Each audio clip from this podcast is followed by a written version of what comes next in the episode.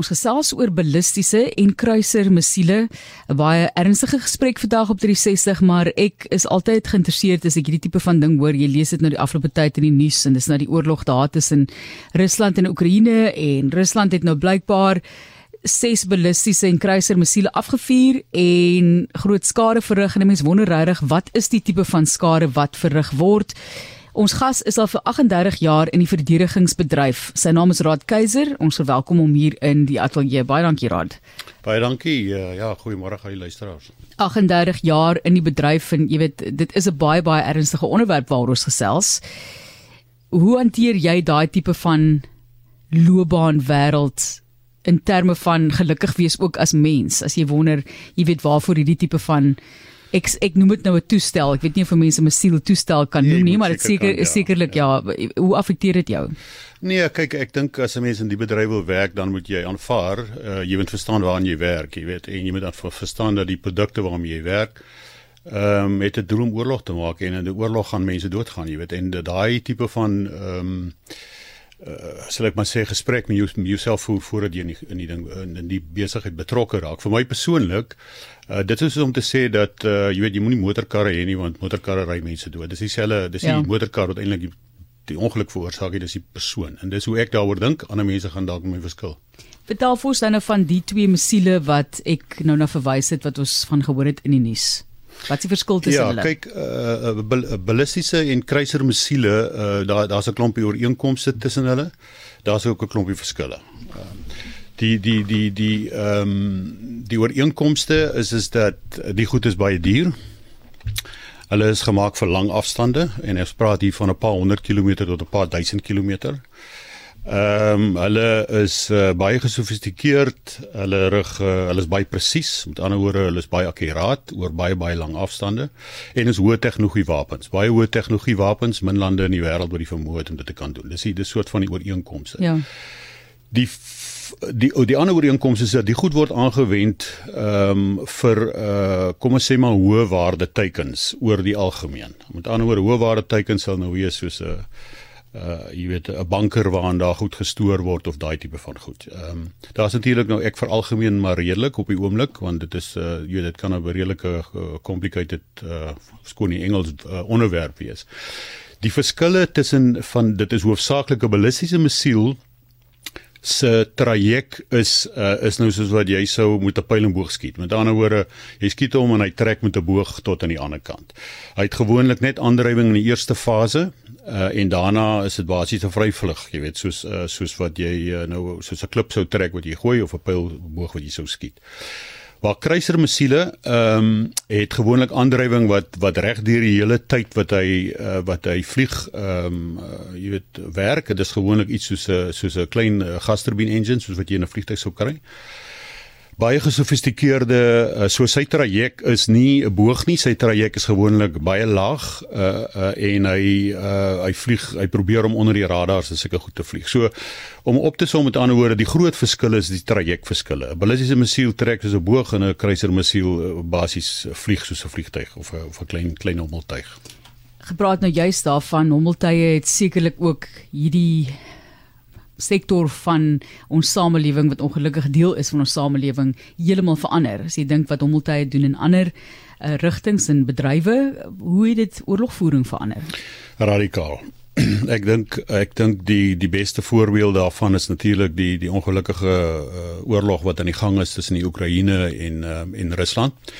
Ek dink al die lesse wat daar geleer gaan word, uh, jy weet, is nog nie bekend nie, as ek dit so kan sê, maar maar hommeltuie het het dit dramaties verander. En as 'n ou nou praat oor hommeltuie, dan moet 'n mens dit nou net definieer, jy weet. Dit is enige ding wat dit dit uh, wat onbeman kan vlieg as ek dit so kan sê. So dit kan nou iets wees soos 'n klein uh, jy weet 'n uh, hommeltuig of 'n drone wat jy sou gaan koop vir 'n paar duisend rand onder by 'n sportwinkel tot iets wat uh, wat soos 'n klein vliegtuig is, uh, soos die Predator uh jy weet uh, unmanned aerial vehicles van die Amerikaners.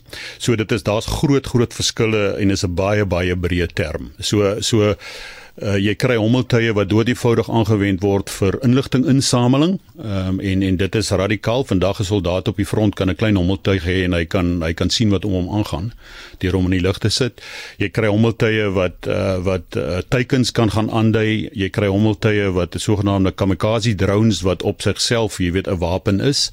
En dan kry jy hommeltuie wat uh, wat wapens dra. Jy weet, missiele dra uh, of selfs bomme dra. Jy weet dit is gewoonlik baie groot, baie groot hommeltuie. So ja, radikale radikale veranderings. Ons gesels met Rod Keiser en dit is oor die sogenaamde ballistiese en kruiser missiele en ek weet hierdie is 'n baie morbiede vraag, maar mens wonder, jy lees dit nou in die nuus soos ek gesê het en dan dink jy by jouself goed, maar watter skade verrig een van daai missiele? Is dit nou byvoorbeeld onlangs 6 missiele is nou afgeskiet um, in Oekraïne. So watter skade verrig dit en hoe van hoe ver af byvoorbeeld? Word dit dan nou afgeskiet? Ja, kyk kyk uh, weer eens uh, dit is dis 'n baie breë vraag. Jy weet dit hang natuurlik af hoe groot die missiele is en waarvoor die ontwerp is en so aan. As jy nou dink aan interkontinentale missiele wat nie op die oomblik gebruik word in in in in die Oekraïne en die goed uh, vlieg duisende kilometers. Jy weet hulle is letterlik gemaak om van Amerika Rusland toe of terug te vlieg of of andersom te vlieg en hulle dra gewoonlik kernkoppe en dit is uh jy weet dit is nie wat in die gang is in die Oekraïne op die oomblik nie. So daai daai uh, ek is nie ten volle jy weet ingelig oor wat presies die afstand is waar hulle skiet nie, maar as jy kyk na die tipe van goed wat daar geskiet word, dan praat ons van 'n paar honderd kilometer. Jy weet, so ons praat van 200, 780, 200, 300, 500 kilometer. Daai tipe van ehm um, ballistiese missiele of kruisermissiele vir uh, uh, jy weet draadplofkoppe wat ehm um, wat groot is. Jy weet die, die goed kan 'n paar honderd kilogram ehm um, plofstof bevat. Daar's natuurlik ook verskillende tipe van plofkoppe. Jy weet afhangende van die teiken wat jy aanval. As as as jy sou byvoorbeeld 'n versterkte betonbank sterker aanval dan het jy 'n ander tipe plofkop nodig. Maar in die algemeen uh, gesproke, ehm um, die goed vir groot skade, groot skade, soos wat jy kan sien op die nuusmedia. Ja.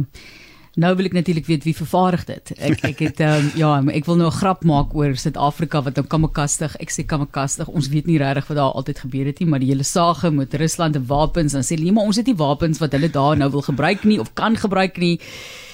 Dit is nou jammer, spottender gewys. Ehm um, wat mense probeer lig maak van die saak. So Waar kom hierdie wapens vandaan? Ja, kyk, ehm um, as jy nou sê die wapens dan neem ek aan jy praat nou van uh, van kruisermissiele en van ballistiese missiele, nê. Nee, die die goed het ja. baie gesofistikeerde ehm uh, tegnologie in. Daar's 'n handjievol lande in die wêreld wat regtig die tegnologie het om dit te te, te maak.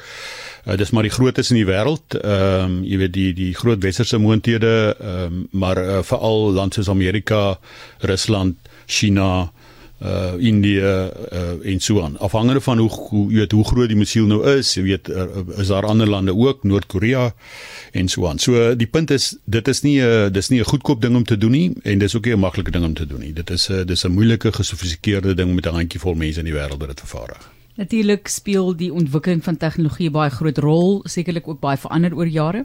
Ja. Ehm uh, ek dink as jy ou kyk kyk die uh, jy weet uh ehm um, interkontinentale ballistiese missiele kom uit die Koue Oorlog uit. Jy weet dit kom uit daai tyd uit en dit is waaroor al hierdie missielverdragte tussen Rusland en Amerika gegaan het om daai proliferasie te beperk. Ehm um, uh, so so die beginsel, die konsep is 'n ou ene, maar wat gebeur het in die afgelope 10, 15 jaar en meeste van die spesifieke verbeterings is natuurlik geklassifiseer. Jy gaan nie sommer net dit op die internet kry nie, jy weet, maar as jy net oor die algemeen daaroor dink, uh, die die jy weet hoe hoeveel rekenaar tegnologie vooruit gegaan het, hoeveel satelliet tegnologie vooruit gaan het. So ek sou sê ryk afstand, akkuraatheid ehm um, en ook die ehm um, die uh die die die die, skade wat dit kan aanrig. So ja. al die al die effekte basies of al die verskillende boublokke het het waarskynlik radikaal verbeter teen wat dit was 30 jaar gelede. En kom ons sluit af met verdediging. So hoe lyk die verdedigingsstelsels wat hierdie tipe van missiele kan afskiet dalk voordat dit nou daai skade berokken? Ehm um, ja, kyk as jy wil verdedig teen 'n ding soos dit en dieselfde beginsels geld eintlik vir hommeltuie. Hommeltuie is 'n aparte onderwerp eintlik vir verdediging. Dit is 'n baie moeilike ding om teen te verdedig. Maar jy het 'n paar basiese goed wat jy moet kan doen. Eerstens jy moet weet die ding is op pad. So jy moet uh, so radar speel 'n baie baie groot rol en die radar tegnologie om te kon onderskei tussen wat is dit nou eintlik wat op pad is na jou toe en waarna toe gaan hy. Jy weet, so die eerste plek moet jy weet dit is 'n dis 'n dis 'n dis 'n dis 'n siel wat op pad is.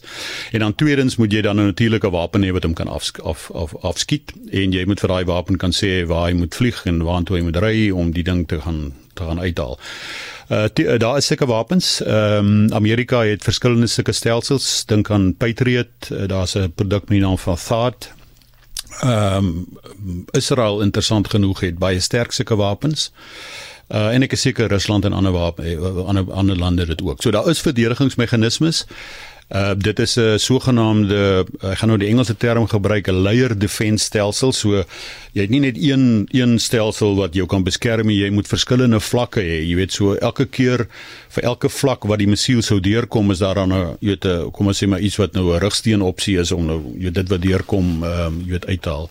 En dis nooit 100% effektief nie soos wat die Oekraïne nou wys. Jy hoor baie keer in Kiev hulle weet 15 af geskiet en hulle het 12 afgeskiet en die ander het deur gekom. So dit is 'n baie moeilike ding om teen te verdedig, maar dit is moontlik.